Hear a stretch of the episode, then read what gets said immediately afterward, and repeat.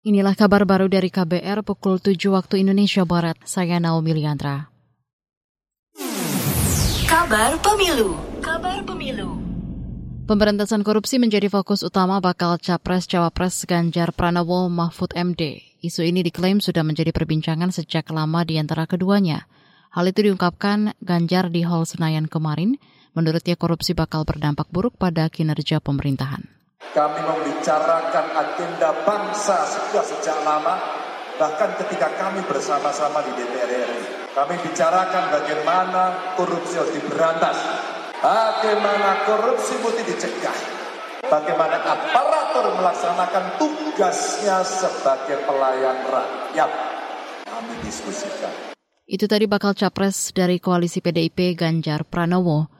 Sebelumnya juri bicara tim pemenangan Ganjar Mahfud, Tama S. Langkun menyebut penguatan peran kejaksaan dan kepolisian juga bakal menjadi prioritas. Sebab tiga aparat hukum ini yakni KPK, Kejaksaan, dan polisi harus bekerja sama untuk memberantas korupsi. Sementara itu kandidat Capres-Cawapres Koalisi Perubahan Anies Baswedan Muhaimin Iskandar optimistis mampu meraup 60 persen suara di Jawa Timur. Hal itu disampaikan Caimin di Jember kemarin.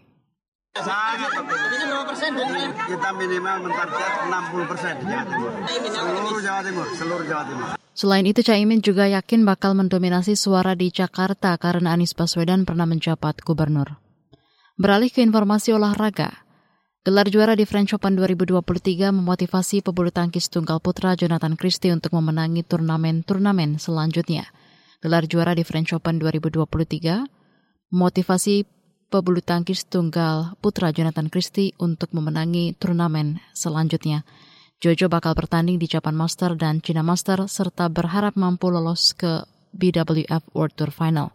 Podium di French Open bersejarah bagi Jojo karena pertama kalinya juara di turnamen level Super 750. Di final kemarin, pemain peringkat 6 dunia ini mengandaskan wakil China Li Shifeng yang juga peraih emas Asian Games 2023. Sementara itu ganda putra Bagas Fikri mengaku senang sekaligus kecewa finish sebagai runner-up setelah kalah atas wakil Denmark Astrup Rasmussen.